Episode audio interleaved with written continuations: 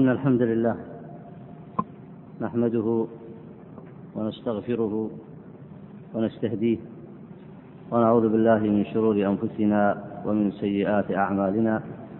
من يهده الله فلا مضل له ومن يضلل فلا هادي له.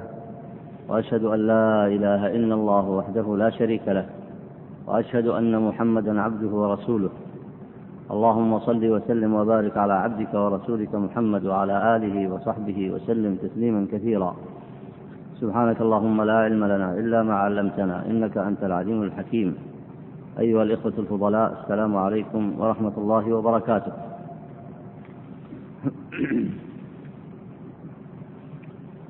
بعد أن انتهينا في الدرس الماضي عن الكلام عن الرهبانية في الإسلام فإن هذا الدرس عنوانه الأخذ الأخذ بالرفق في العبادات. الأخذ بالرفق في العبادات. اقرأ بارك الله فيك. بسم الله الرحمن الرحيم.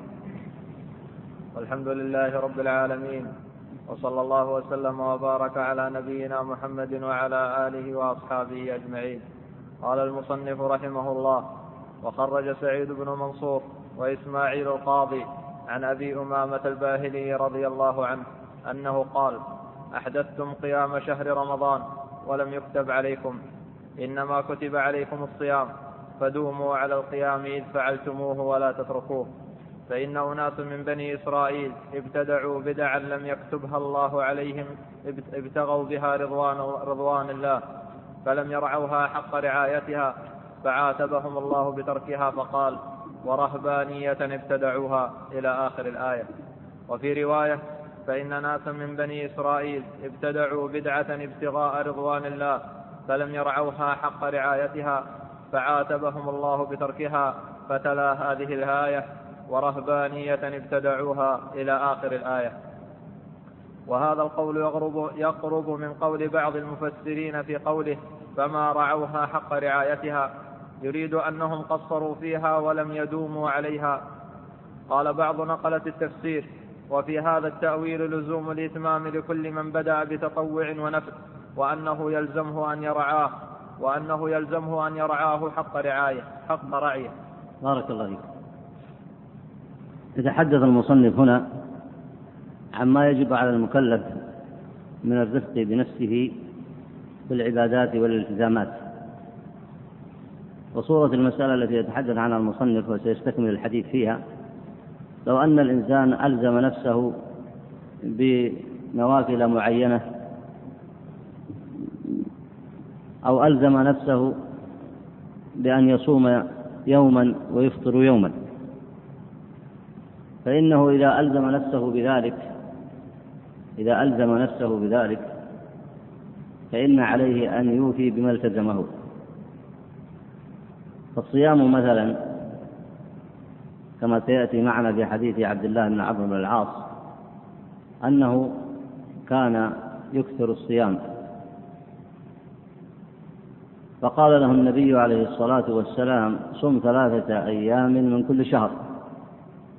فقال إني أطيق أكثر من ذلك. ثم التزم أن يصوم يوما ويفطر يوما. فهذا نوع من الالتزام يلزم الإنسان نفسه بهذا الأمر وهو مندوب في الأصل كما هو معلوم. فإذا التزمه فإنه يحسن به أن يوفي بالتزامه وينبغي له ذلك. وفي هذه الحالة قد يشق عليه هذا الأمر فلا يستطيع أن يوفي به. ومن هنا كان الأولى بالمكلف أن يرفق بنفسه أن يرفق بنفسه فإذا أدى الفرائض أدى الواجبات وابتعد عن المحرمات وسارع في الخيرات يكثر من النوافل بقدر ما يستطيع دون أن يلزم نفسه بشيء معين. ومثاله لو أن إنسانا التزم أن يقرأ القرآن مثلا في سبع ليال. وكان يكفيه مثلا أن يقرأه في شهر. أو التزم أن يقرأ القرآن في ثلاثة أيام. فإنه قد يستطيع ذلك وقد لا يستطيع. وهنا بين السلف رحمهم الله كما ورد في أحاديث كثيرة سيذكرها المصنف هنا أن المكلف ينبغي به أن يرفق بنفسه لأنه لا يدري ما يعرض له. فقد يعرض له من الضعف بسبب الكبر أو كثرة المشاغل أو نحو ذلك. ما يمنعه من أن يوفي بالتزامه. وعلى هذا يمكن أن يفسر قول أبي أمامة الباهلي فإن قيام شهر رمضان سنة معلومة يندب إليها وقد كان النبي عليه الصلاة والسلام يصنع ذلك ويصلي بالناس في شهر رمضان ويجمعهم على ذلك لكنه تركه خوف أن يفرض عليهم. فلو كان قيام شهر رمضان فريضة فإن الإنسان قد يجد مشقة وترك الفريضة أشد. وأما الضعف عن عن النافلة فالأمر فيه واسع إذا ضعف الإنسان عن ذلك أو طرأ عليه عذر. فهنا ذكر أبو أمامة مذكرا الناس يقول لهم كأنه يقول التزموا من التطوعات ما تقدرون عليه. فما حدث في شهر رمضان من التزام الناس العبادة طول الشهر هو أمر مندوب. لكن من التزم بذلك ينبغي له أن يوفي بهذا أن يوفي بهذا. ولذلك أدخل هذا المعنى في تفسير الآية السابقة كما مضى معكم في الدرس السابق في قول الله تعالى ورهبانية ابتدعوها ما كتبناها عليهم إلا ابتغاء رضوان الله على أوجه التفسير التي سبق الكلام فيها. ومن أوجه التفسير التي سبق الكلام فيها أنها عبادة آه، اتبعها أهل الكتاب ثم ضعفوا عنها أي التزموها ولم تكن فرضا عليهم. فلما التزموها كان الواجب عليهم أن يقوموا بها. وهذا هو المعنى الذي يقصد إليه أبو أمامة الباهلي وهو الذي يقصد إليه المصنف. فمن التزم نافلة أو ندبا ندب نفسه إلى أمر والتزم به فينبغي له أن يرعى ذلك وأن يقوم به. وعلى هذا فلا ينبغي للمكلف أن يشدد على نفسه وإنما يأخذ نفسه بالرفق.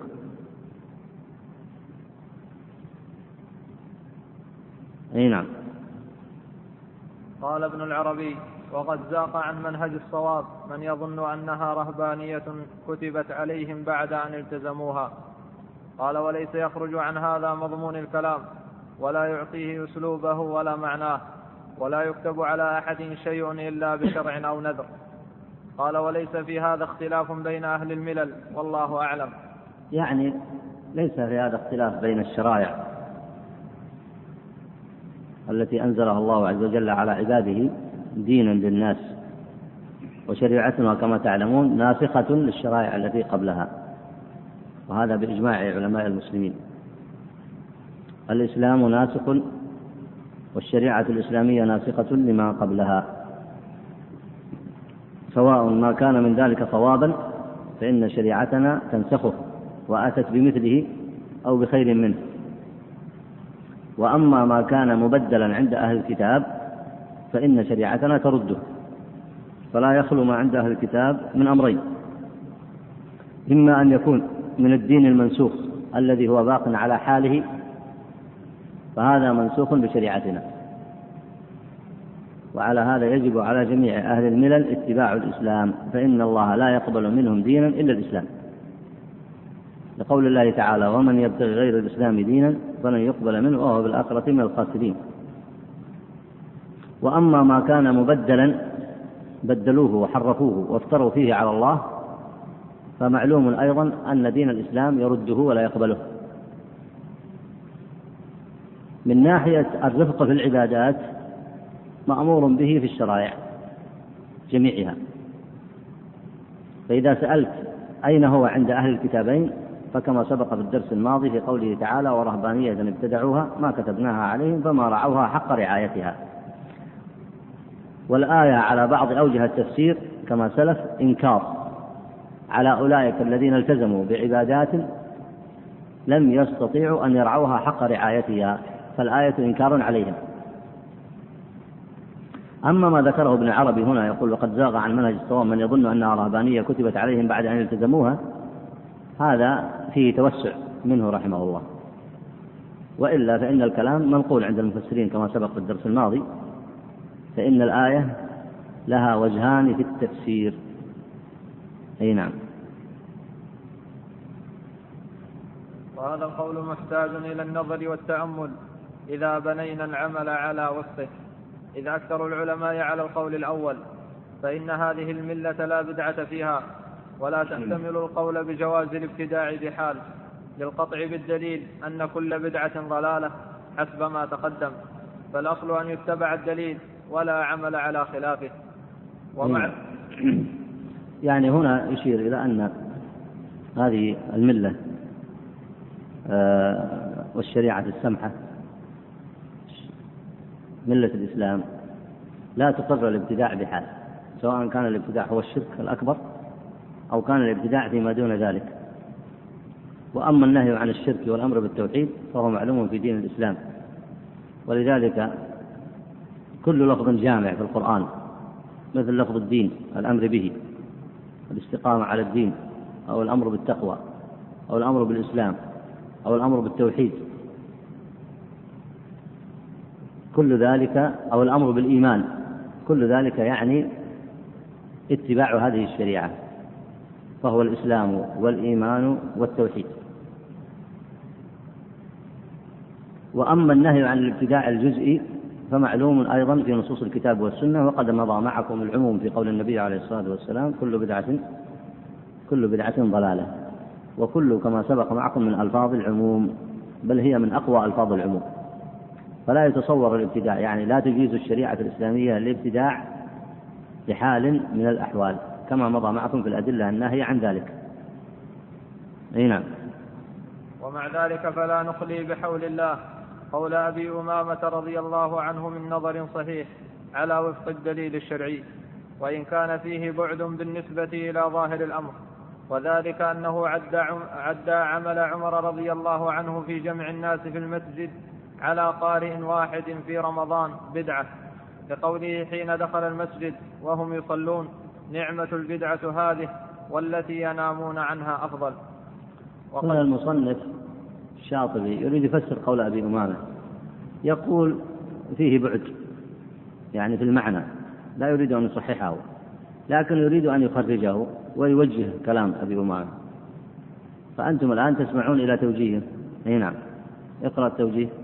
وقد مر أنه إنما سماها بدعة باعتبار ما. وأن قيام الإمام بالناس في المسجد في رمضان سنة سنة عمل بها صاحب السنة رسول الله صلى الله عليه وسلم. سنة سنة عمل بها صاحب السنة رسول الله صلى الله عليه وسلم وإنما تركها خوفا من الافتراض فلما انقضى زمن الوحي زالت العلة فعاد العمل بها إلى نصابه إلا أن ذلك لم يتأت لأبي بكر رضي الله عنه زمان خلافته. لمعارضة ما هو أولى بالنظر فيه. وكذلك صدر خلافة عمر رضي الله عنه حتى تأتى النظر فوقع منه لكنه صار في ظاهر الأمر كأنه أمر لم يجر, لم يجر به عمل لم يجر به عمل من تقدمه دائما فسماه بذلك الاسم لا أنه أمر على خلاف ما ثبت من السنة. بارك الله فيك. هذا تفسير المصنف وتوجيه قول أبي أمامة لكن على أي حال قول أبي أمامة هي عبارة تكلم بها. وما صح من ظاهرها فهو صحيح وما لم يصح آه، فإن رضيتم اختيار المصنف في توجيه قوله فلا بأس به. لكن آه، كما تلاحظون أن أبا أمامة لم يقل أنكم ابتدعتم قيام شهر رمضان وإنما قال لم لم يكتب عليكم. وما معنى لم يكتب عليكم؟ لم يفرض هذا صحيح لم يفرض. لكنه ندب الناس إليه بفعل النبي عليه الصلاة والسلام. والمصنف قال أن النبي قام بالناس في المسجد في رمضان وأنها سنة متبعة. هي سنة ثابتة.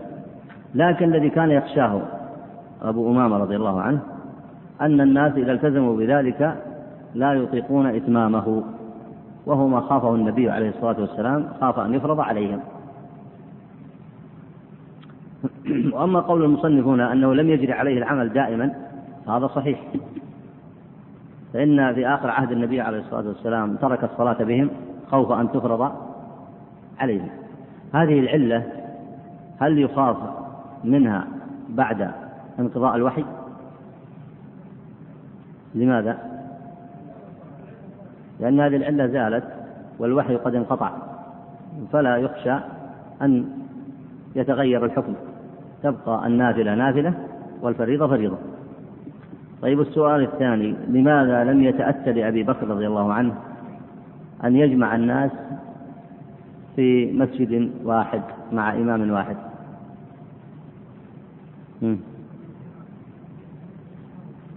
لانشغاله بحروب الردة أحسنت. وقد كان أبو بكر رضي الله عنه بعد وفاة النبي عليه الصلاة والسلام من شغل في شغل ويجمع الناس من كل مكان وكان يشرف رضي الله عنه على الجيوش والسرايا بنفسه وقد كانت الجزيرة كلها حالة خوف واضطراب وردة. وكان الناس لا يأمنون على أنفسهم وارتدت أكثر قبائل العرب. وكان رضي الله عنه يعمل بالليل والنهار آه، لمتابعة سرايا المسلمين وجيوشهم للقضاء على فتنة الردة وقد وفقه الله لذلك رضي الله عنه ونصر به الإسلام. فكان أكثر شغله والمسلمون في ذلك الحين كان أكثر عملهم على آه، درء فتنة الردة وخلافة أبي بكر رضي الله عنه كما تعلمون هي سنتان وستة أشهر فهي فترة وجيزة لكن نفع الله بها في خير كثير في توطيد أمر الإسلام. وجيوش الإسلام في ذلك الحين خرج من ما خرج منها إلى آه، بلاد فارس والروم كما هو في جيش أسامة رضي الله عنه. وأما آه، بقية آه، المسلمين فقد كانوا يتوجهون في سرايا وفي فرق مقاتلة في كل الجزيرة وفي أطراف الجزيرة. وكان هذا الأمر يشغلهم بالليل والنهار وكانوا في حالة مرابطة. ولذلك لم يتأتى لهم إحياء هذه السنة التي كان عليها النبي عليه الصلاة والسلام. فلما جاء وقت عمر جمع الناس في رمضان في الصلاة على إمام واحد. إي نعم اقرأ بارك الله فيك. فكأن أبا أمامة اعتبر فيه نظر ترك العمل به فسماه إحداثا موافقة لتسمية عمر ثم أمر بالمداومة عليه بناء على ما فهم من هذه الآية. لاحظ هنا أن مقصد أبي أمامة هنا واضح وهو أنه يشير إلى أن القيام في رمضان ليس بمكتوب أي ليس بفرض ليس بفرض وإنما هو أمر مندوب إليه ومن قام به فيجب عليه أن يرعاه حق رعايته. فنزل الآية السابقة على هذا على هذا المعنى. نعم. ثم أمر بالمداومة عليه بناء على ما فهم من هذه الآية من أن ترك الرعاية هو ترك دوامهم على التزام عمل ليس بمكتوب ليس بمكتوب بل هو مندوب فلم يوفوا بمقتضى ما التزموه لأن الأخذ في التطوعات غير اللازمة ولا السنن الراتبة يقع على وجهين أحدهما أن تؤخذ على أصلها فيما استطاع الإنسان فتارة ينشط فتارة ينشط لها وتارة لا ينشط. أو يمكنه تارة بحسب العادة ولا يمكنه أخرى لمزاحمة اشتغال ونحوها وما أشبه ذلك. كالرجل يكون له اليوم ما يتصدق به فيتصدق ولا يكون له ذلك غدا. أو يكون له إلا أنه لا ينشط للعطاء أو يرى إمساكه أصلح في عادته الجارية له أو غير ذلك من الأمور الطارئة للإنسان. فهذا, الوجه لا حرج على أحد في ترك التطوعات كلها. ولا لوم عليه إذ لو كان ثم لوم أو عتب لم يكن تطوعا وهو خلاف الفرض. أي نعم. هذا الوجه الأول. وعلى هذا فالإنسان إذا لزم الفرائض وأدى الرواتب فإن فيما بقي من النوافل والمسارعة في الخيرات يعمل بحسب نشاطه وقدرته ويرفق بنفسه. وإذا كان الإنسان في السنن الرواتب لم تكن على وجه الإلزام كما هو معلوم وإلا لما كان هناك فرق بين المندوب والواجب. فإن الواجب كما هو تعريفه عند الأصوليين آه، ما آه، يثاب فاعله ويعاقب تاركه. وأما المندوب يثاب فاعله ولا يعاقب تاركه. فإذا كانت آه، المندوبات والسنن الرواتب. هذا شأنها أي لا تبلغ مبلغ الواجب مع أن الإنسان ينبغي عليه أن يحافظ عليها. لكن لا تبلغ مبلغ الواجب فما بالكم بغير ذلك من مطلق النوافل. وعلى هذا فالإنسان إذا أدى الواجبات وحافظ على المندوبات ينظر فيما سوى ذلك ينظر فيما سوى ذلك ويأخذ منه بحسب حاله ونشاطه وقوته. وإذا سارع في الخيرات يلاحظ هذا الجانب الذي تشير إليه الشريعة وهي الأخذ بالرفق في العبادات والالتزامات وهو ما يريد أن يشير إليه المصنف هنا. هذا بالنسبة للوجه الثاني الوجه الأول. اقرأ الوجه الثاني. والثاني أن تؤخذ مأخذ الملتزمات كالرجل يتخذ لنفسه وظيفة راتبة من عمل صالح في وقت من الأوقات كالتزام قيام حظ من الليل مثلا وصيام يوم بعينه لفضل ثبت فيه على الخصوص كعاشوراء وعرفة أو يتخذ وظيفة من ذكر الله بالغداة والعشي وما أشبه ذلك. فهذا الوجه أخذت فيه التطوعات مأخذ الواجبات من وجه لأنه لما نوى الدؤب عليها في الاستطاعة أشبهت الواجبات والسنن الراتبة. كما أنه لو كان ذلك الإيجاب غير لازم بالشرع. غير لازم. غير لازم بالشرع. لم يصر لم يصر واجبا.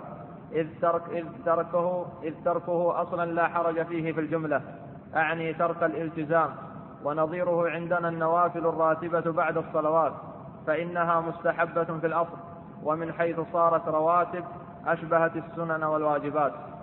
وهذا المعنى هو المفهوم من قوله صلى الله عليه وسلم في الركعتين بعد العصر حين صلاهما فسئل عنهما فقال يا ابنة أبي أمية سألت عن الركعتين بعد العصر أتى ناس من بني عبد القيس بالإسلام من قومهم فشغلوني عن الركعتين اللتين بعد الظهر فهما هاتان لأنه سئل عن صلاة لهما بعدما نهى عنهما. عن صلاته لهما. لأنه سئل عن صلاته لهما بعدما نهى عنهما. فإنه عليه السلام كان يصليهما كان يصليهما بعد الظهر كالنوافل الراتبة. فلما فات فلما فاتت فاتتاه. فلما فاتتاه صلاهما بعد وقتهما كالقضاء لهما حسب ما يقضي الواجب. فصار إذا لهذا النوع من التطوع حالة بين حالتين. حالة إيه؟ حالة بين حالتين. إلا أنه راجع إلى خيرة إلى خيرة المكلف بحسب ما فهمنا من الشرع. أي نعم.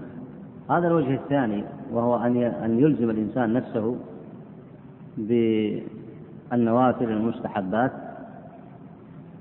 كما هو معلوم آه، لما ألزم آه، بعض الصحابة أنفسهم بنوع من الالتزامات كما مضى معكم في حديث عبد الله بن عمرو بن العاص أنه ألزم نفسه بأن يصوم يوما ويفطر يوما.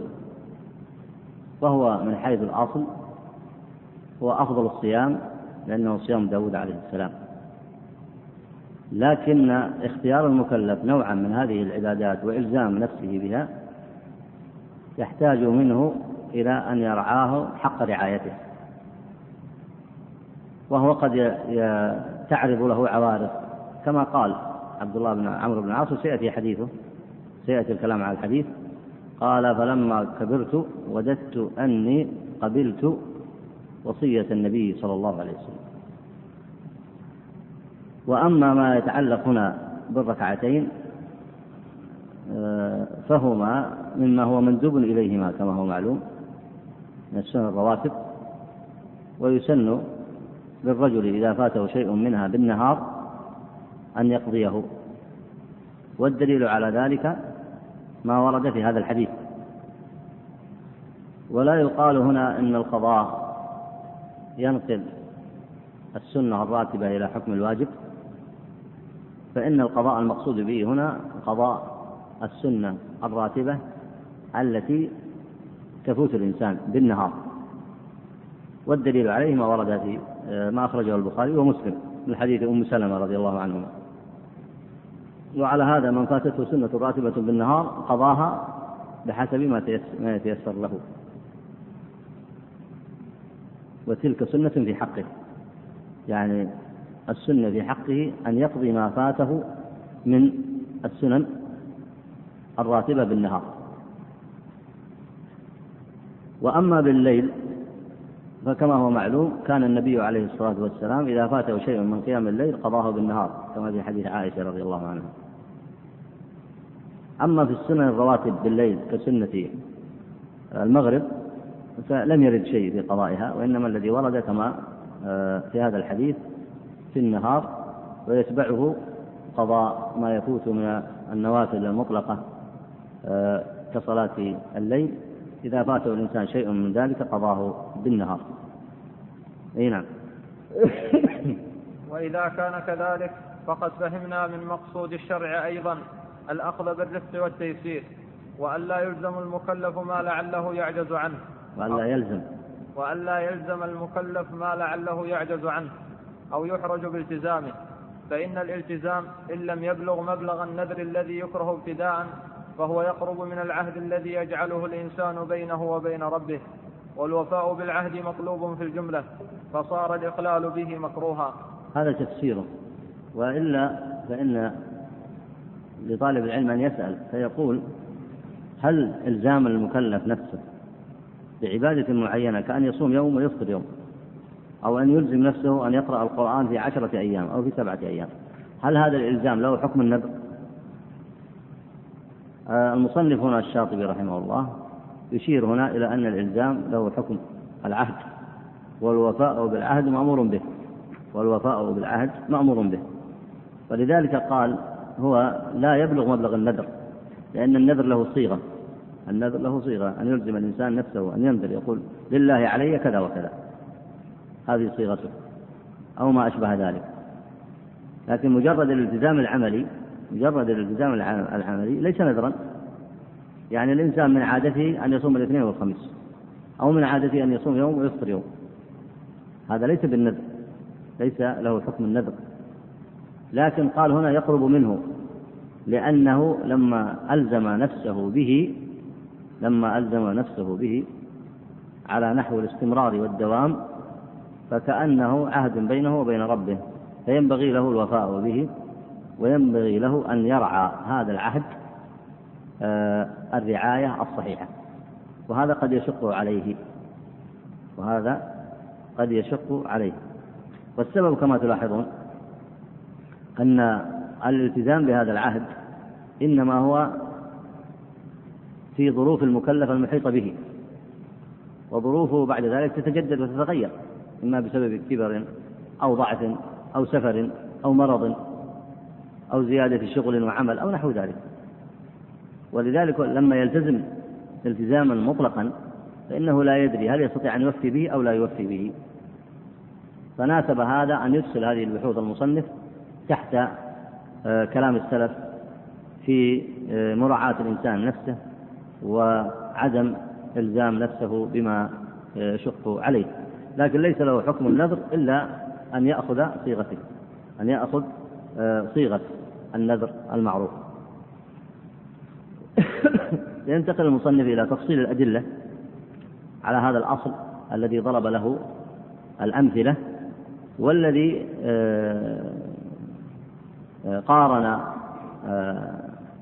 فيه بين بعض المصطلحات مثل أن يلزم الإنسان نفسه على سبيل العهد أو أن يلزم نفسه على سبيل النذر. وماذا يسمى هذا الإلزام؟ وماذا يسمى هذا الإلزام؟ كما سبق في كلامه. بقي ذكر الأدلة تفصيلا على صحة الأخذ بالرفق في العبادات والالتزامات. أي نعم اقرأ. والدليل على صحة بالرفق وأنه الأولى والأحرى وإن كان الدوام على العمل أيضا مطلوبا عتيدا في الكتاب والسنة. واعلموا وأن فيكم رسول الله لو يطيعكم في كثير من الأمر لعنتم. طيب بارك الله فيك. كيف تجمع بين هذين الأمرين؟ المصنف يقول رحمه الله الدليل على صحة الأخذ بالرفق وأنه هو الأولى والأحرى. ثم بعد ذلك الدوام على العمل أيضا مطلوب عتيد أصيل في نصوص الكتاب والسنة. كيف تجمع بين الأمرين؟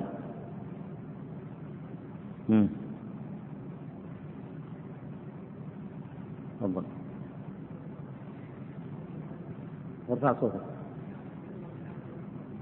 أي نعم يأخذ بما يطيق وإن قل. فإذا أخذ بما يطيق وإن قل رفق بنفسه. واستطاع المداومة فيجمع بين الأمرين.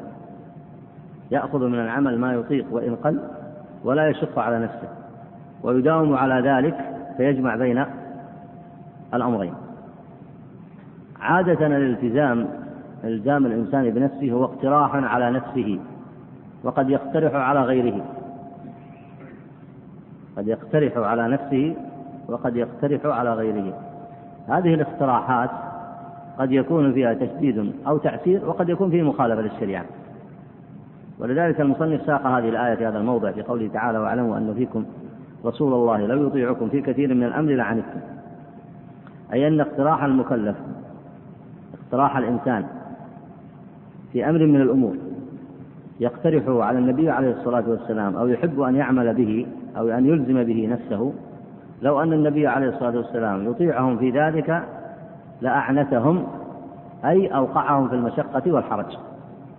وهذا كثير. مثاله الثلاثة الذين جاءوا إلى النبي عليه الصلاة والسلام. فقال أحدهم أصوم ولا أفطر. وقال الآخر أقوم الليل ولا أنام. وقال الثالث لا آكل اللحم ولا أتزوج النساء. لو أن النبي صلى الله عليه وسلم أطاعهم في ذلك ووافقهم يعنتهم أو لا؟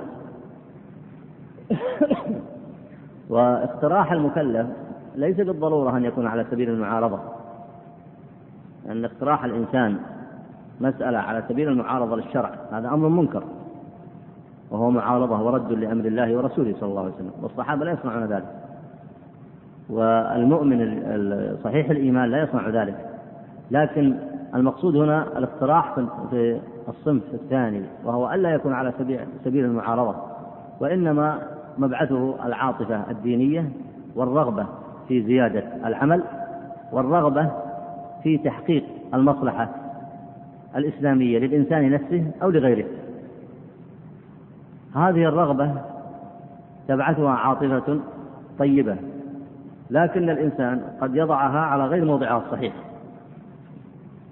ومن ثم فإن رحمة هذه الشريعة بالمكلفين أنها ضبطت لهم الأمور على وجه تصلح به أمور دنياهم وأخراهم. ومثاله ما ورد في هذه الآية. فإن الله عز وجل جعل النبي صلى الله عليه وسلم رحمة لهذه الأمة. فما يقترحه الصحابي ويحبه لنفسه من العبادات أو ما يقترحه في مسائل كثيرة كما كان الصحابة في صلح الحديبية يكرهون أن يكون هناك بينهم صلح. بينهم وبين كفار قريش. وكانوا يحبون أن يدخلوا مكة عنوة ولو عن طريق القتال حتى ولو طال وقتل فيه من قتل. ويرون أن دخولهم لمكة هو خير لهم عن طريق القوة القتالية ووقوع الحرب.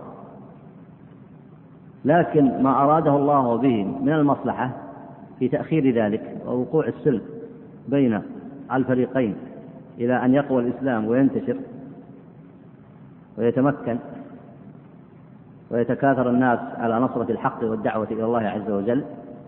هذه مصلحة عظيمة. وكان بعض الصحابة كأنه لم يتأمل هذه المصلحة ويريد أن يكون الأمر عاجلا. ولذلك لم يوافقوا على صلح النبي عليه الصلاة والسلام حتى سألوه صراحة هذا أمر الله؟ فلما علموا أن ذلك الأمر جزم لا رجعة فيه قبلوا بعد ذلك الصلح. ومنها أيضا ما ورد في بعض الشروط المتعسفة التي اشترطها كفار قريش على النبي عليه الصلاة والسلام وقبلها النبي عليه الصلاة والسلام. ولو أن النبي قبل رأيهم فيما أرادوه لأعنتهم وشق عليهم. ولذلك سمى الله عز وجل ذلك الصلح بتلك الشروط الشرعية الصحيحة وبذلك الترتيب الشرعي الصحيح سماه فتحا سماه فتحا. وهذا كله يدخل في قول الله تعالى واعلموا أن فيكم رسول الله لو يطيعكم في كثير من الأمر. ولاحظ في قول في كثير من الأمر لعنتم ولذلك ينبغي للإنسان أن يعرض المسائل التي تطرأ عليه على الشريعة عرضا صحيحا. ويتتبع مسائل العلم تتبعا صحيحا. عن طريق السؤال أو النظر أو البحث حتى يظهر له الصواب. لأنه قد يتعجل في مسألة تطيب بها نفسه ويرغب فيها ويلزم نفسه بها ويظنها هي الصواب وبها تتحقق المصلحة وهي في طياتها تتضمن حرجا ومشقة شديدة عليه. إي نعم اقرأ بارك الله فيك. على قول طائفة من المفسرين أن الكثير من الأمر واقع في التكاليف الإسلامية ومعنى لعنتم لو احرجتم ولدخلت عليكم المشقة ودين الله لا حرج فيه ولكن الله حبب إليكم الإيمان بالتسهيل والتيسير وزينه في قلوبكم الآية. وإنما بعث النبي صلى الله عليه وسلم بالحنيفية السمحة ووضع الإصر والأغلال التي كانت على غيرهم. وقال الله تعالى في صفة نبيه عليه السلام عزيز عليه ما عنتم حريص عليكم بالمؤمنين رؤوف رحيم. وهذا في معنى الآية الأولى في معنى الآية السابقة هذه من صفة النبي عليه الصلاة والسلام. وهو في معنى وهذه الآية في معنى الآية التي سبقتها. نعم. وقال تعالى يريد الله بكم اليسر ولا يريد بكم العسر. وقال تعالى يريد الله أن يخفف عنكم وخلق الإنسان ضعيفا. وسمى الله تعالى الأخذ بالتشديد على النفس اعتداء. فقال تعالى يا أيها الذين آمنوا لا تحرموا طيبات ما أحل الله لكم ولا تعتدوا. نعم. بارك الله فيك وهذه الآيات في معنى الآية في معنى رفع الحرج والمشقة وهي من قواعد الشريعة التي جرى العمل بها. وفي هذا رسالة علمية لمن أراد أن يتوسع في هذا الباب اسمها رفع الحرج في الشريعة الإسلامية. رفع الحرج في الشريعة الإسلامية آه، للشيخ صالح بن حميد. وقد جمع فيها ما يتعلق بقواعد الفقهاء وتفسير معنى الحرج. والمقصود باليسر في الشريعة لأن تفسير لفظ اليسر كما تعلمون يتفاوت الناس فيه تفسير نسبي. فقد يفسر الإنسان اليسر تفسيرا غير شرعيا ويفسر رفع الحرج تفسيرا غير شرعيا. فإن المكلف أو المكلفين يكونون على ثلاثة أصناف صنف علم مراد الله عز وجل في نفع الحرج والتيسير والرفق في العبادات وهذا لا يعلمه إلا من تفقه في دين الله. وصنف يحمل نفسه على التشديد والمبالغة في العبادات ونحو ذلك وهذا شدد على نفسه وأوقع نفسه في الحرج. والصنف الثالث ما يصنعه كثير من المكلفين وهو التفلت من الأحكام الشرعية وعدم القيام بالواجبات بدعوى اليسر ورفع الحرج. ولذلك لا بد من ضابط علمي لمثل هذه الأمور والضابط معروف في كلام الفقهاء. فالرجوع إلى ذلك إلى هذه الرسالة يفيد طالب العلم في معرفة القواعد الشرعية وتفسيرها وضوابطها. أي نعم. ومن الأحاديث كثير كمسألة الوصال. ففي الحديث عن عائشة رضي الله عنها أنها قالت نهاهم النبي صلى الله عليه وسلم عن الوصال رحمة لهم. قالوا إنك تواصل. قال إني لست كهيئتكم. إني أبيت عند ربي يطعمني ويسقيني. هذا يرجع إلى نفس المعنى. فإن النبي كان يواصل. لكن كانت الأمور التي تحف به تساعده على الوصال. وهذا معلوم من قول النبي عليه الصلاة والسلام إني أبيت عند ربي يطعمني ويسقين وليس المقصود به الطعام والشراب العادي كما ذكر أهل العلم وإنما المقصود أن الله يقويه على ذلك كما هو معروف في معجزاته وفي قوته عليه الصلاة والسلام. فالحاصل أن آه، أحوال النبي عليه الصلاة والسلام تساعده على الوصال. فإذا جاء مكلف آخر ضعيف يقيس نفسه على النبي عليه الصلاة والسلام لو واصل يقع في المشقة والحرج أو لا فالنبي نهاهم عن ذلك. لماذا؟ رحمة بهم. وبهذا يعود هذا الدليل كغيره من الأدلة على مقصود المصنف هنا في هذا البحث وهو بيان الرفق الواجب في العبادات. يعني كيف يرفق الإنسان نفس بنفسه في العبادات. فهنا النبي صلى الله عليه وسلم رفق بهم وكان رحمة عليهم. لكن بعضهم من كان يصف ويريد الوصال يريد أن يواصل. والمقصود بالوصال كما تعلمون هو أن يصل صيام الليل بصيام النهار. وقد يكون الوصال إلى السحر وقد يكون إلى يوم أو يومين. وهي مسألة فقهية نشير إلى ما يتعلق بها بعد استكمال كلام المصنف هنا رحمه الله. اقرأ بارك الله فيك. وعن أنس رضي الله عنه قال واصل رسول الله صلى الله عليه وسلم في آخر شهر رمضان فواصل ناس من المسلمين فبلغه ذلك. فقال لو مد لنا شهر لواصلنا وصالا حتى يدع المتعمقون تعمقهم. وهذا إنكار. وعن أبي كيف كيف تستنبط أن هذا إنكار؟ الحديث أخرجه البخاري والأول أيضا أخرجه البخاري. حديث عائشة وحديث أنس أيضا أخرجه البخاري رحمه الله. كيف تستخرج من هذا الحديث اللفظ الذي يدل على الإنكار هنا؟ تسميتهم بالمتعمقين أي المتشددين هذا إنكار. وأيضا آه، توعده النبي توعد النبي لهم عليه الصلاة والسلام أو رغبته بأنه لو مد هذا الشهر فواصل بهم حتى يروا آه، المصلحة آه، حتى يروا ابتعادهم عن المصلحة التي كان النبي عليه الصلاة والسلام يريدها لهم والرفق الذي كان يريده بهم عليه الصلاة والسلام. أي نعم اقرأ بارك الله وعن أبي هريرة رضي الله عنه قال نهى رسول الله صلى الله عليه وسلم عن الوصال فقال رجل من المسلمين فإنك يا رسول الله تواصل. فقال رسول الله صلى الله عليه وسلم وأيكم مثلي؟ إني أبيت عند ربي يطعمني ويسقيني. فلما أبوا أن ينتهوا عن الوصال واصل بهم يوما ثم يوما ثم رأوا الهلال فقال لو تأخر الشهر لزدتكم كالمنكل حين أبوا أن ينتهوا. وهذا الحديث أيضا في المتفق عليه عند الإمام البخاري ومسلم. ومسألة الوصال. أذن النبي عليه الصلاة والسلام كما في الحديث الصحيح لمن أراد أن يواصل أن يواصل إلى السحر. لمن أراد أن يواصل والحديث أخرجه البخاري في باب الصوم في كتاب الصوم باب الوصال حديث أبي سعيد الخدري رضي الله عنه. وكما تلاحظون الأحاديث التي في هذا حديث عائشة وحديث أنس وحديث أبي هريرة.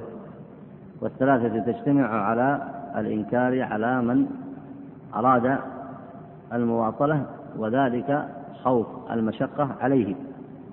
والمواصلة لفظ مطلق كما تلاحظون. قد تكون إلى يوم قد تكون إلى يومين قد تكون إلى ثلاثة. ليس مقيد بيوم أو بيومين.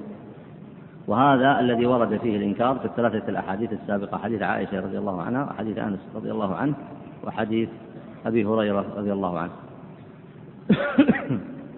وعلى هذا فالأصل أن يرزق الإنسان بنفسه ولا يتكلف ما لا يطيق أخذا بالأحاديث الثلاثة التي سبقت.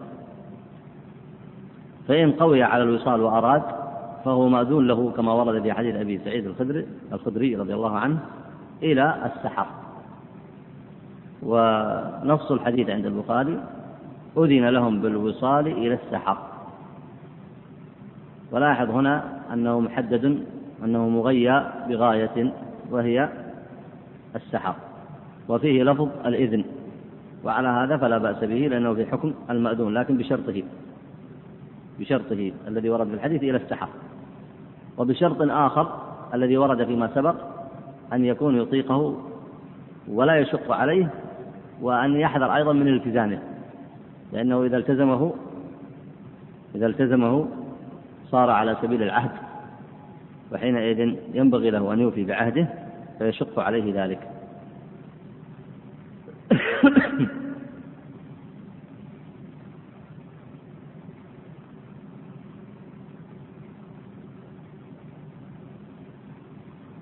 اي نعم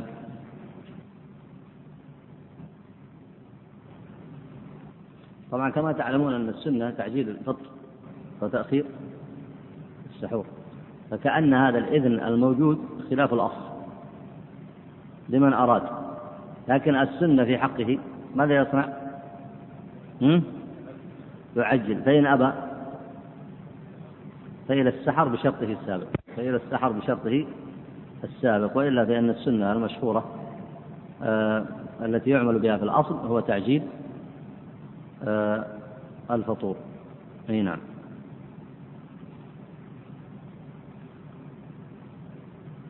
الأحاديث السابقة الثلاثة يؤخذ منها التحريم أو لا يمكن أخذ التحريم منها. تحريم الوصال. حديث عائشة وحديث أنس وحديث أبي هريرة. تدل على التحريم أو تدل على الكراهة؟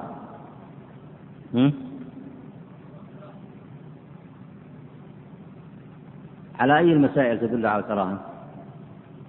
الوصال إلى يومين أو ثلاثة أو خمس. تدل الأحاديث على الكراهة ولا على التحريم؟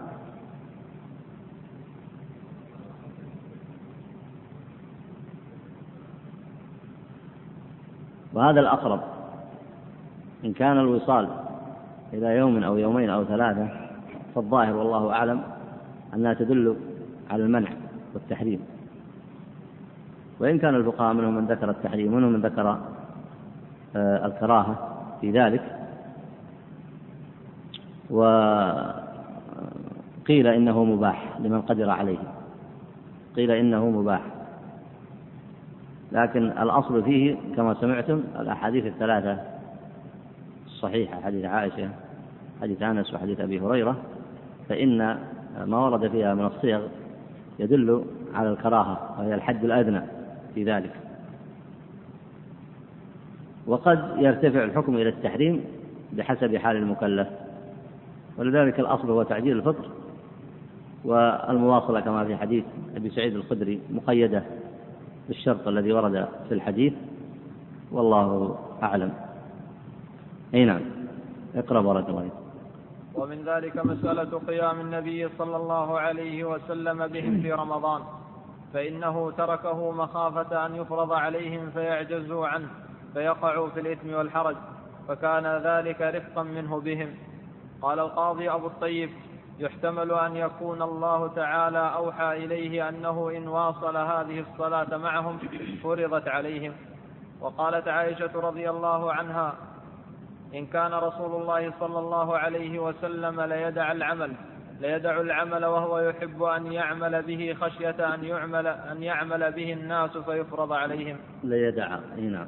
ليدع العمل وهو يحب أن يعمل به خشية أن يعمل به الناس فيفرض عليهم وقد قيل هذا المعنى في قوله عليه السلام لا تخصوا يوم الجمعة بصيام الحديث السابق حديث عائشة أخرجه البخاري أيضا وحديث أيضا لا تخص يوم الجمعة بصيام في صحيح مسلم من حديث أبي هريرة. نعم. قال المهلب وجهه خشي خشيت خشيت أن, يست أن يستمر عليه فيفرض وبهذا المعنى يجتمع النهي مع قول مالك رضي الله عنه في الموطأ ولا يكون فيه إشكال. النهي عن تخصيص يوم الجمعة بالصيام معلل عند الفقهاء بأكثر من علة. والمصنف هنا اختار وجها من ذلك فيما يتعلق بهذا البحث وهو الرفق بالمكلف لأنه إذا التزمه على وجه العادة كان عليه أن يصومه دائما. وإلا فهو معلل بعلة أخرى لأنه يوم عيد للمسلمين. يوم عيد للمسلمين وكره إفراده بالصوم آه، إلا أن يكون من عادة الإنسان أن يصومه. إلا أن يكون من عادة الإنسان أن يصومه. أي نعم. وأما من كان من عادته فهو يدخل في هذا الباب الذي نحن فيه.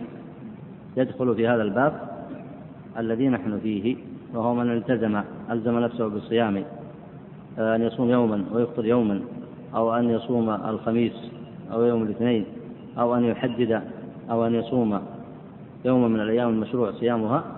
فإنه ينبغي عليه أن يلاحظ هذا العهد الذي بينه وبين الله وألا يكلف نفسه إلا ما يطيق ويلاحظ هذا الأصل الذي تكلم عليه المصنف. إيه نعم. ومن ذلك حديث الحويلاء بنت تويت قالت عائشة رضي الله عنها دخل علي رسول الله صلى الله عليه وسلم وعندي امرأة فقال من هذه؟ فقلت امرأة لا تنام تصلي. فقال عليه السلام لا تنام الليل. خذوا من العمل ما تطيقون فوالله لا يسأم الله حتى تسأموا. والحديث أيضا في المتفق عليه. نعم. فأعاد لفظ لا تنام منكرا عليها والله أعلم. غير راض فعلها لما خافه عليها من الكلل والسآمة أو تعطيل حق آكد. أي نعم. تكرار قول النبي عليه الصلاة والسلام قال لا تنام الليل أي على وجه التعجب. والتعجب يفيد يفيد معنى الإنكار. يعني كأنه هنا تعجب من فعلها منكرا عليها. والمصنف هنا الشاطبي رحمه الله علل ذلك أيضا بمسألة لها أهمية ينبغي للمكلف أن يراعيها وخاصة الذي تكثر عليه التكاليف والواجبات والالتزامات. فإن الإنسان إذا كثرت عليه الواجبات والالتزامات ينبغي أن يكون حريصا على أن يأخذ نفسه بالرفق. الأمر الثاني أن يلاحظ ترتيب هذه التكاليف. والكلام ليس في أصل التكاليف كالفرائض إقامة الواجبات العينية وما يتعلق بإقامة أمر الشريعة والانتهاء عن المحرمات. هذا ليس الكلام فيه أن هذا من الأمور العينية التي آه، ينبغي التي يجب على المكلف القيام بها. لكن الكلام فيما زاد عن ذلك من أحوال التطوعات والاشتغال مثلا بالدعوة الاشتغال بالعلم آه، كثرة الصدقات كثرة الذكر كثرة قراءة القرآن كثرة الصيام ما يتعلق بصلة الأرحام بالمسارعة في الخيرات. وهنا ينبغي للإنسان أن يكون فقيه نفسه ويلاحظ أمرين. الأمر الأول ما سبق الكلام فيه وهو جهده وطاقته. يلاحظ جهده وطاقته ولا يكلف نفسه إلا ما يطيق. لأن المقصود هو الاستمرار. المقصود هو الاستمرار في العبادة لأن الإسلام يريد من الإنسان أن يكون قويا عاملا نشيطا حتى يكون ساعيا في مصلحة نفسه وفي مصلحة أمته وأن يكون بمجموع طاقاته وهو يدعو إلى الله ويتعلم ويجاهد ويسعى ويعمل أن يكون عمله مستمرا حتى يكون نفعه متعديا وغير منقطع. والعبرة بالمآلات. العبرة بالمآلات وبالاستمرار. فينبغي أن يلاحظ عمره كله ووقته كله ويستفيد من نشاطه وقوته لكن لا يعتبر أن نشاطه في بعض الحالات هو الأصل الذي يقوم عليها نفسه بل هو يراعي جهده بحسب آه، حالته الوسطية بحسب جهده صح التعبير جهده الوسط بحسب إمكانياته العادية. وإلا فإن الإنسان كما هو معلوم بعض الأحيان تأتي عليه أوقات يتحمل من الأعمال كالجبال لكن هذا وقت دون وقت. ويلاحظ الوقت إن صح التعبير الوقت العادي. الأمر الثاني الذي يلاحظه وهو ما أشار إليه المصنف ترتيب هذه الأعمال. فإن هذه الأعمال تتفاوت. بحسب ما يترتب عليها من النفع. فالذي يترتب عليه نفع متعدي للناس ليس كالذي يترتب عليه نفع خاص بك. فينبغي أن تلاحظ هذا. ولا تقدم ما يتعلق ما يترتب عليه نفع خاص بنفسك على إذا تزاحمت الأوقات على عمل يتعدى الخير فيه للناس. وعلى هذا فالمكلف ينظر إلى مجموعة الأعمال التي يمارسها ويرتبها. هذا الترتيب لأنه أنفع له في الأجر وأنفع لمجتمعه وأصلح للمسلمين. ويلاحظ آه، الأمر الأول والأمر الثاني في هذا الترتيب.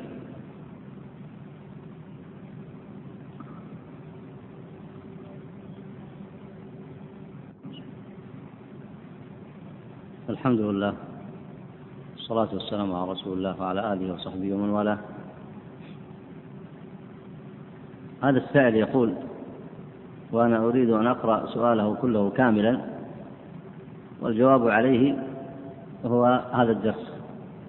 الجواب عليه هو ما سمعه في هذا الدرس تفصيلا. يقول أنا أعمل في إحدى الشركات ولا أخرج إلا العصر. وحين أعود إلى المنزل فإنني ألزم نفسي بالحفظ وبقراءة الكتب الدينية. وبعد المغرب أحضر بعض الدروس أو أعمل في المندوبية للدعوة إلى الله. وبعد العشاء أحضر آه، بعض الدروس الخاصة. وأعود إلى المنزل وأقوم بمصالح أهلي. وأشعر أحيانا بالإجهاد والتعب حتى أنني أكاد أبكي حتى أنني أكاد أبكي من شدة الإرهاق. وإذا قصرت في شيء من ذلك شعرت بالذنب وأصبحت ألوم نفسي على التقصير. فماذا تنصحونني وترشدونني أرشدكم الله؟ أرشدك بوصية النبي عليه الصلاة والسلام ارفق بنفسك وخذ من العمل ما تطيق. وراجع ما ذكره المصنف هنا من الآيات والأحاديث في هذا. فقهك الله وأعانك. يقول هنا امرأة مات زوجها وقد تجاوزت الخمسين وانقطع عنها الحيض فكم تكون فترة الإحداد على الزوج؟ هل تكون ثلاثة أشهر أم تكون أربعة أشهر وعشرة؟ تكون أربعة أشهر وعشرة. الإحداد بالنسبة للمرأة كما ورد في قول الله تعالى والذين يتوفون ويذرون أزواجا آه، والذين يتربصن بأنفسهن أربعة أشهر وعشرا. يقول هنا أنا أقوم الليل والحمد لله ولكن قد أصلي إحدى عشرة ركعة وأحيانا ركعتين وأوتر بواحدة. فهل أكون ملزما بإحدى عشرة ركعة؟ إذا صليت شيئا من الليل فيندب للإنسان وينبغي له أن يستمر عليه. وإذا فاته من ذلك قضاه بالنهار. هذا هذه وصية النبي عليه الصلاة والسلام. يعني إذا عرضت له عوارض يبدل ما فاته بشيء من الذكر والعبادة ليكون بديلا عما فاته. أي نعم. وإذا التزم شيئا من الليل لا يكثر إلا بقدر ما يطيق بحسب حاله. فإن صلى ركعتين ركعتين ثم أوتر ينبغي له أن يداوم على العمل وإن كان قليلا. ولذلك الإنسان يأخذ من العمل ولو كان قليلا ثم يداوم عليه. يقول من أخل بشيء قد التزمه من النوافل فما حكمه؟ هذا كما قال المصنف ينبغي له أن يفي بعهده والوفاء بالعهد آه، مطلوب.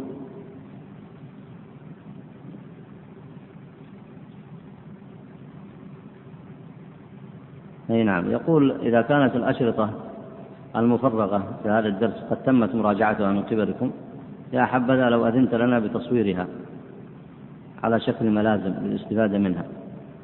على أي حال بالنسبة للشريط فإن الكلام فيه الأسلوب فيه يختلف عن الأسلوب في الكتابة. وإذا فرغ الشريط في ملزمة وفي أوراق. وأراد الإنسان أن يرتبه فإنه يحتاج إلى كلفة ومشقة لأن الكلام غير الكتابة تختلف. الكلام غير الكتابة فالكتابة لها أسلوب والتصنيف له أسلوب. لكن أسأل الله عز وجل أن ييسر لي إخراج هذا الشرح. وهذا الكتاب محقق الحمد لله. في ثلاثة رسائل كما أخبرتكم. ولعل أصحابها أن يخرجوها. فإذا أخرجوها ففي ذلك إن شاء الله فائدة كبيرة للمتخصصين من طلاب العلم. وإلا فإن هذا الكتاب يحقق في جامعة آه، في كلية الدعوة وأصول الدين في جامعة أم القرى. فإذا خرجت هذه الرسائل للناس فإن في ذلك فوائد كثيرة. أما مسألة الشرح فعادة الكلام في الأشرطة يطول ولا يصلح أن يكون هو نفس المكتوب من حيث أنه قد يكون فيه تكرار وقد يكون آه، فيه تداخل الكلام. فالتأليف والتصنيف له طريقة عند المصنفين والمؤلفين. ومن أراد أن يؤلف فيحسن به أن يلتزم بها ولا يكلف الله نفسا إلا وسعها. فإن تيسر لي شيء أخرجت منه على الأقل الجزء الأول. وأسأل الله عز وجل التيسير والتوفيق.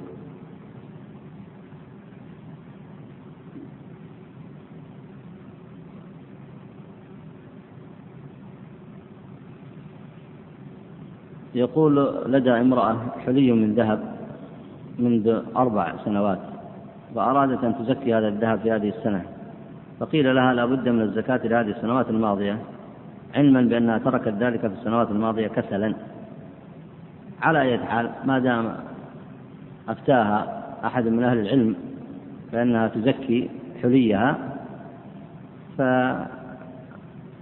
فالزكاة حينئذ تكون لهذه السنة وإذا ما قاربها تزكي. إذا كان مثلا أفتاها قبل سنتين أو ثلاث وأخبرت بأن على حليها زكاة فإنها تعمل بقول من أفتاها في ذلك والله أعلم.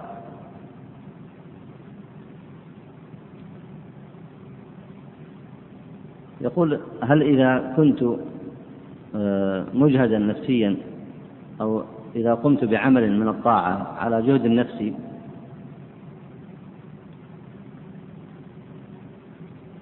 رغبة في أن الله يقوي إيماني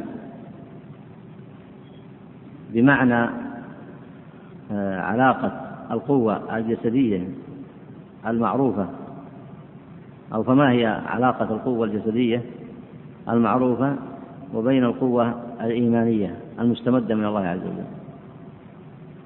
الذي يظهر لي من سؤاله أنه يقول كأنه يقول كلما أجهدت نفسي كلما زاد إيماني. ويريد أن يستدل بها بأن آه، المدد الذي يحصل عليه الإنسان يعطيه الحرية في أن يبذل أقصى الجهد. فالجواب على ذلك على هذا السؤال أن المدد صحيح من الله والبركة من الله والإنسان يبارك الله له في جهده في وقته في علمه في حفظه في طاقته الجسدية لكن يبقى هذا في حدود ما هو معروف. يعني هذا ما يخوله مثلا أن يقول أنا أتوقع أن يمدني الله بمدد عظيم فأنا أريد أن أقوم الليل كله فلا أنام وأصوم النهار كله فلا أفطر. أما المدد فليس بمستحيل. لكن أيضا مثل هذا الترتيب الشرعي للأعمال غير مقبول. ولماذا غير مقبول؟ لماذا؟ لأنه مخالفة صريحة للسنة. مخالفة صريحة للسنة. فالإنسان لا يعرض نفسه إلى المشاق ويعرض نفسه إلى ويشدد على نفسه في العبادات ويخالف السنة في الطاعات ثم يقول إن الله على كل شيء قدير ويستطيع أن يمدني. نقول نعم إن الله يستطيع أن يمده لكن الذي أرانا الله عز وجل في الأحوال العادية أنه ليس هناك إنسان إلا وينام. كذا أو لا؟ وليس هناك إنسان إلا ويصوم ويفطر. ونحن نتكلم في الأحوال العادية ولا ينبغي الإنسان أن يعارض السنة بمثل هذه آه، التوهمات. يقول بعض الناس يترك الدوام على بعض النوافل كصلاة الضحى. يقول إن الدوام عليها يجعلها تشبه الفرض وهو يتركها أحيانا مع عدم وجود ما يشغله فما الحكم؟ هذه لا لا تحتاج منه الاجتهاد. هذه لا تحتاج منه الاجتهاد. بل النبي عليه الصلاة والسلام كما ورد في الحديث الصحيح كان عليه الصلاة والسلام يصليها حتى نقول لا يدعها وكان يدعها حتى نقول لا يصليها. فهذا إذا صنع ذلك لا بأس به إن شاء الله. وأكتفي بهذا المقدار وأصلي وأسلم على نبينا محمد وعلى آله وصحبه أجمعين.